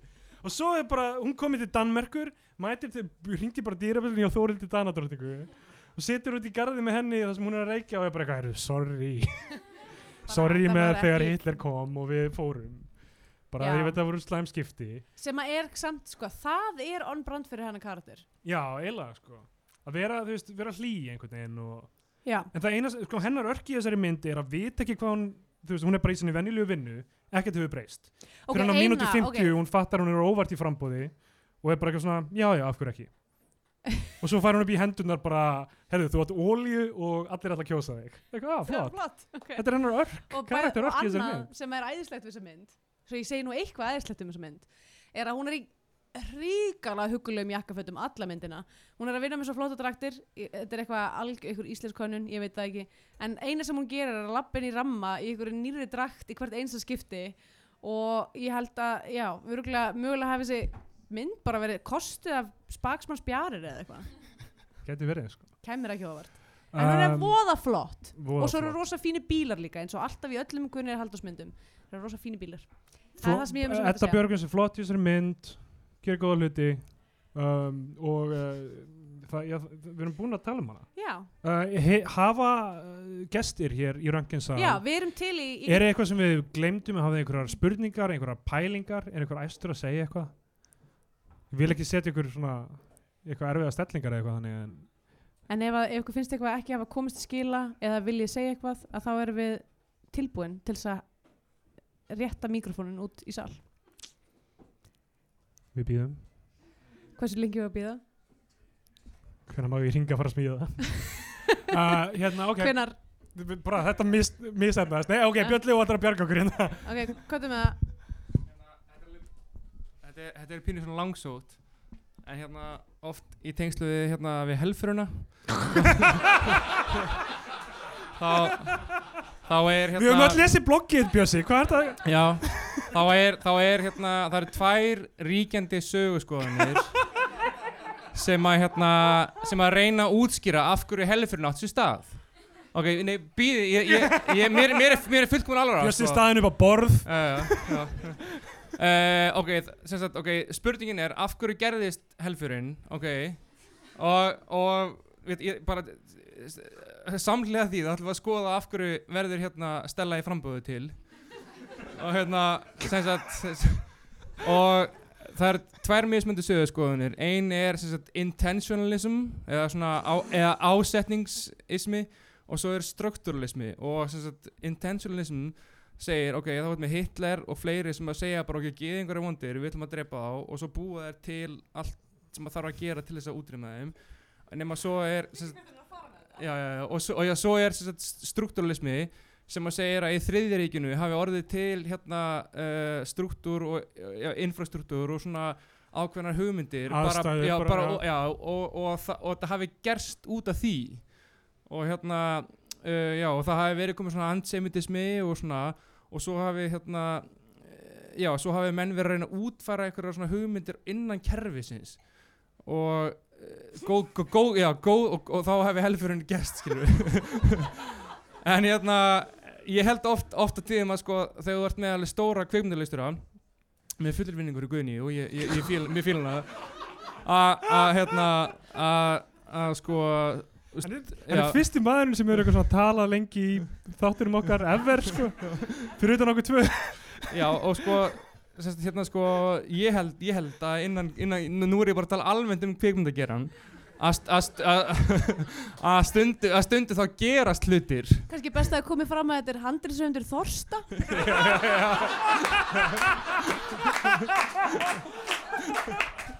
Já, já, já. Ég, ég, myndi segja að þegar það kemur að þosta þá er ég Adolf Eichmann sko. þá er ég bara maður sem út, útfarið allt rugglið sko. En ég, ég held að stundum, stundum kemur einhver, einhver auteur fa- með, með handrit og hugmynd og hann gerir eitthvað sem er frábært. Og Hitler var í raun og törur helfara Já, ok, ég, ég, ég held sé að þetta sé hræðilegt sem ég er að fara að segja en, en hérna, en ég, ég held að Stella sé svolítið svona, sé svona eitthvað, já, eitthvað fyrirbæri sem hafi bara gest í einhvers konar svona einhvers konar svona kreðsum og einhverjum struktúr og, og kvikmyndamiðstöð sé þar svona einhvern veginn eh, sé svona eins og veist. Og þá er svona, e, er það svo mikið fullt af fólki sem er að vinna í kringum kvikmyndamiðstöð og allir reyna að vera duglir og allir reyna að vinna vinnuna sína skilur og svo kemur allt í hennu bara einhver hugmynd sem er bara kannski á að geta framkama en hún er bara framkvæmd af því að, að struktúrun í kringum hana gerir hana veruleika skilur við og þú ert að tala um Stelli í frambóði að hún hafi verið framkvæmt með sama hætti og 6 miljónir til gíðingar Nei, en, sko, en, en ég, er, ég er ekki að leggja hana ég er ekki að segja hún þú ert ekki að leggja það jöfnu? Nei, nei, nei, nei, nei, nei. Ó, Ég, ég, ég, er bara að útskýra hvernig, hvernig hlutir gerast, Stund, stundum, þú veist.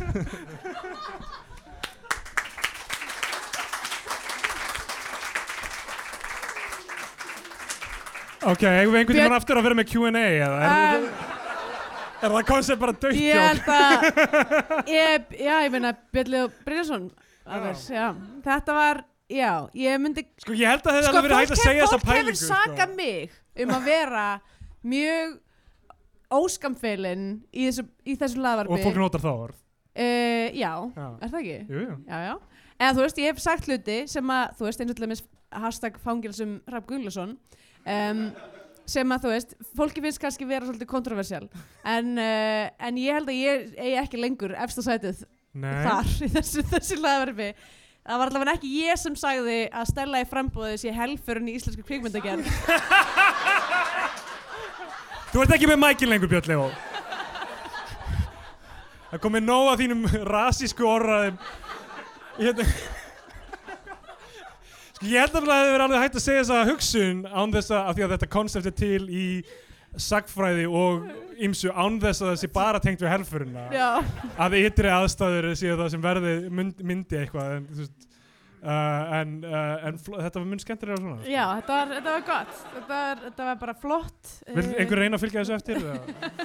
ég held ég ætla aldrei að setja mækin aftur út í sal sko. Scandinavian Pain Index. Já, þetta náttúrulega er ekkert sérstaklega, ég reyndi, ég var alveg með, hérna, eh, já, ég reyndi að finna eitthvað sem mér fannst passa inn í fyrir þá sem ekki vita að Scandinavian Pain Index þar sem að við setjum allar íslenska kvimmundir á skala þess hversu mikill harmur er í þeim. Og, uh, og mér finnst, ef eitthvað þá hefði mátt vera meiri harmur í þessari mynd.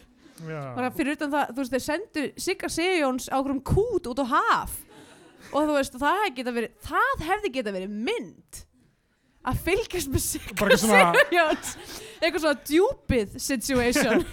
Life of Pi?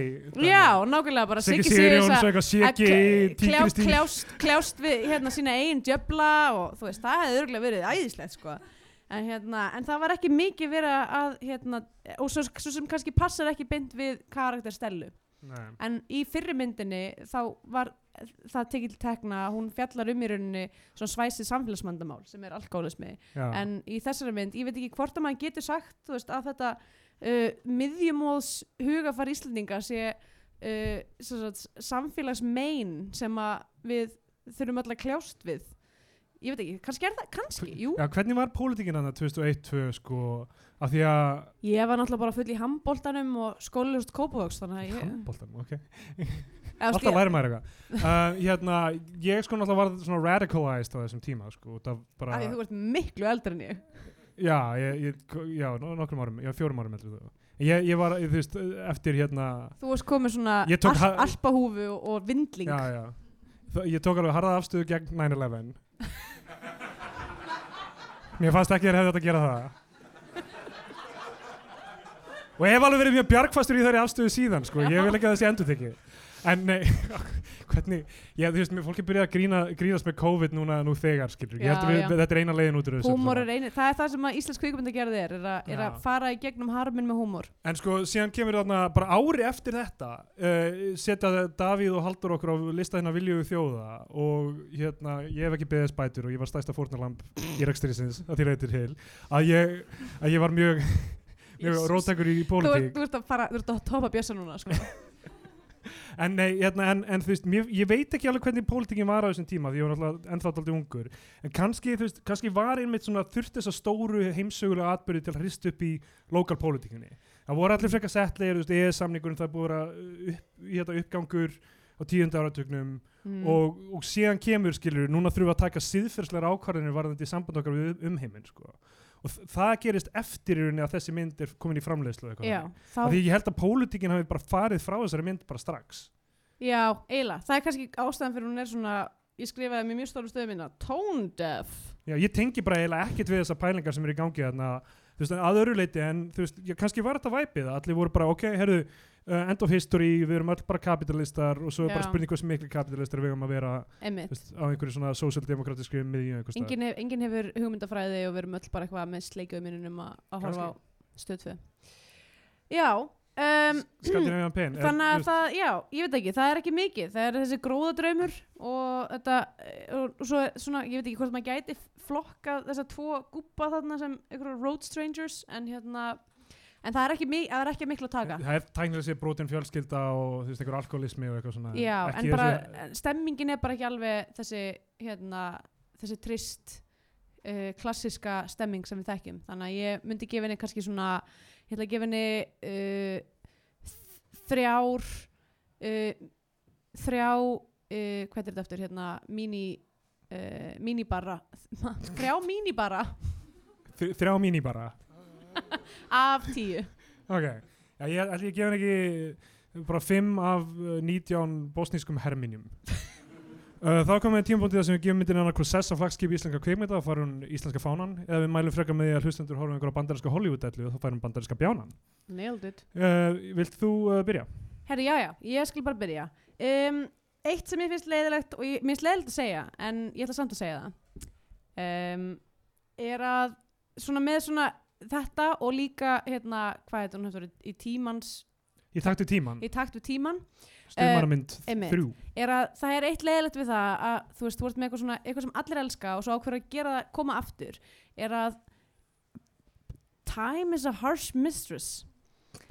Og það er stundum, ef maður ætla bara, ef maður ætla vera alveg Rosa leiðilegt ef maður ætla að halda fram hjá makasum sínum að fá harsh mistress. Já, mjög leðilegt Hjákona mín er rosa erfið sko. Mega Ég leðilegt hérna til eitthvað sport en nei nei, hún er Hún er eiginlega verri sko. Já, Hérna er að partur af þú veist, vinsaldum þess að mynda upprunnilega eins og þú veist, hérna með allt á hreinu og, og stella í Akkormann örlafi og Súlandir og þetta dæmi. Er að þú veist, er að þú ert með eitthvað svona svona orku og spennu og let's face it, eitthvað ungt hot lið og svo kemur þetta lið 20 árum setna og er bara eitthvað að halda það sé að fara að endurskapa það. Sorry, það er ekki þú veist, fólk breytir svo mikið bara á, á þessum tíma og líka árunum frá því að það er þú veist 20-30 ára. Já. sko ég er að breyta svo mikið Andrea. Ok það er- ég byrjar að stunda ekki jóka allt snýst um þig Steindór. En allavega það sem ég vildi segja er að veist það er bara tö- töfrarnir er ekki þarna og það er þetta handrið er náttúrulega bara eitthvað bonkers það er sem meikar ekki neitt sens uh, og, og brandararnir eru þú veist það eru einhverju brandarar þarna en þeir eru samt eh, svo einhvern veginn þú veist að við höfum ekki geta gert meira kjöt úr þessu sæbjúa er það sem er aðeins þessari mynd Já. og sæbjú að hljóman eins og kjöt nú þegar Nákvæmlega. Um, þannig ég get ekki sagt, og náttúrulega fyrir utan það að þessi mynd kemur úr 2002 og allar myndir sem koma út milli, sko, þetta er svo sorglegt af því að þú ert með íslenska kvikmyndagerð frá, kannski, frá kvikmyndavorunu og þanga til að þú farið eitthvað svona digital situation Já. og þá eru myndir bara á filmu og það kostar pening að gera þær, það eru færi myndir en það eru allavega að líta ágætlega út svo kemur þarna eitthvað hræðilegt tímabil þar sem að fólk getur bara gert bíómyndir og þær eru bara eins og þar séu dregnar út úr rassinum að kind. Og svo kemur aftur eitthvað nýtt tímabil þar sem að fólk þú veist, er búið að fá þekkingu og, og, hérna, og, og tæki og getur gert fallega myndir aftur. En það er hérna hræðilegt tímabil þannig að kom bara ógeðslega ljótar myndir út bara ógeðslega ljótar myndir út. Og þetta er eina af þeim. Þannig að það er ekki eins og hægt að segja tæknilega að þetta sé falleg mynd því miður, þannig að hún fær ekki uh, íslenska fánum frá mér. Ég ætla að mæla með uh, að fólk horfi á kvikmyndana Election með Reese Witherspoon og Matthew, Broderick af því að hún er actually fyndin og skemmtileg. Um kostningar Já. ok. Þetta ekki að sjá. Sorry íslenska þjóðin fyrir þetta. Hmm. Þetta er það sem er í gangi. það er Ah. lag! Aha, aha, ekki Orlofi aha, aha, Gunni Haldors aha, Edda Björgvins partur af programmet. Passaðu þrýstingin hver á þennan bústað? Já eða nei? Dana drottningin tekur smók. Við fljúum hærri en veður Anton er flugmannsreður. Þið þekki mig, thank you very nice herri guð og majonesan er gul steinn. Ármann er höng, Stella er í frambóði og Salomon er dröng. Í þingróði, tveir flokkar í frambóði, centrum og miðflokkur, en engin sigmundur. Vilja selja ólíu og Stella kennir framkomu, en svíinn syngur lag og fer í orgíu. Síðan flýtur Siggi um allt úthaf Sigfús rennur á sæbjúa.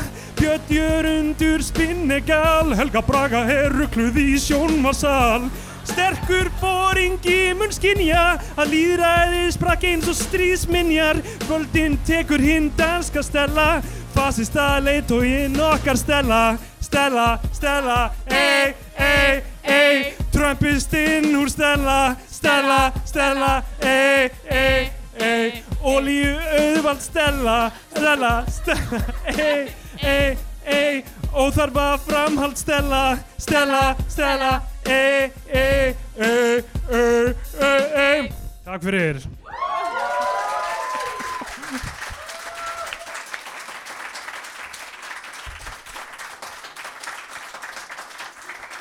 um, þannig ég ætla að giska að það sé bandaríski bjánin Já, bandarinski bjónir frá mér uh, Ég ætla að mæla með bíómynd sem heitir Miss 45 uh, eftir leikstjóran Abel Ferrara sem er hvað frægastu fyrir að gera Bad Lieutenant.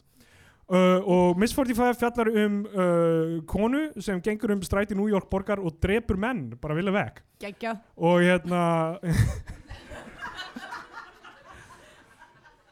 Uh, já, ég held að þú eru ekkert meira að segja um það, það er frekar skemmtilegt sko. já, cool uh, Já, herri, þá komum að leiða lokum hjá okkur í dag já, í kvöld kvöld, uh, Við dagur er að kveldi komin uh, aha, ok, hvað er það? Uh, við, við, við erum á Facebook ég er ekki að segja þetta nei, nákvæmlega. Herði, þetta er bara búin að gegja, þeir eru búin að vera frábærsælur og það hefur verið mjög gaman að ykkur hérna. Uh, takk fyrir, takk til allra sem komu Já, og Takk fyrir stjörningin, takk Bjössi fyrir þitt, Var fyrir þörf. fyrir brýninguna, mjög gott. og Em, ég meina hver veit nema Bjössi muni eftir þú veist einhver ára geta sagt saman hlutur uh, sem, sem er hlutum mómenti sem við erum í núna skilur Nákvæmlega. hvar erum við núna í þessum struktúr skilur og hvert er hann að leiða okkur og það er eitthvað sem við ættum öll að Það huglega að segja Bíotvíu tíma búndi að bara vera eitthvað svona fasíst batteri þetta var mómenti, þetta var neistinn sem kveikti í búðrutunninni á röngen 15. júli 2020 Frans Ferdinand skotinn Bjössi á Bíotvíu 2020 ok, um, þetta er ekki bara flott bara Já, takk fyrir okkur, takk fyrir okkur.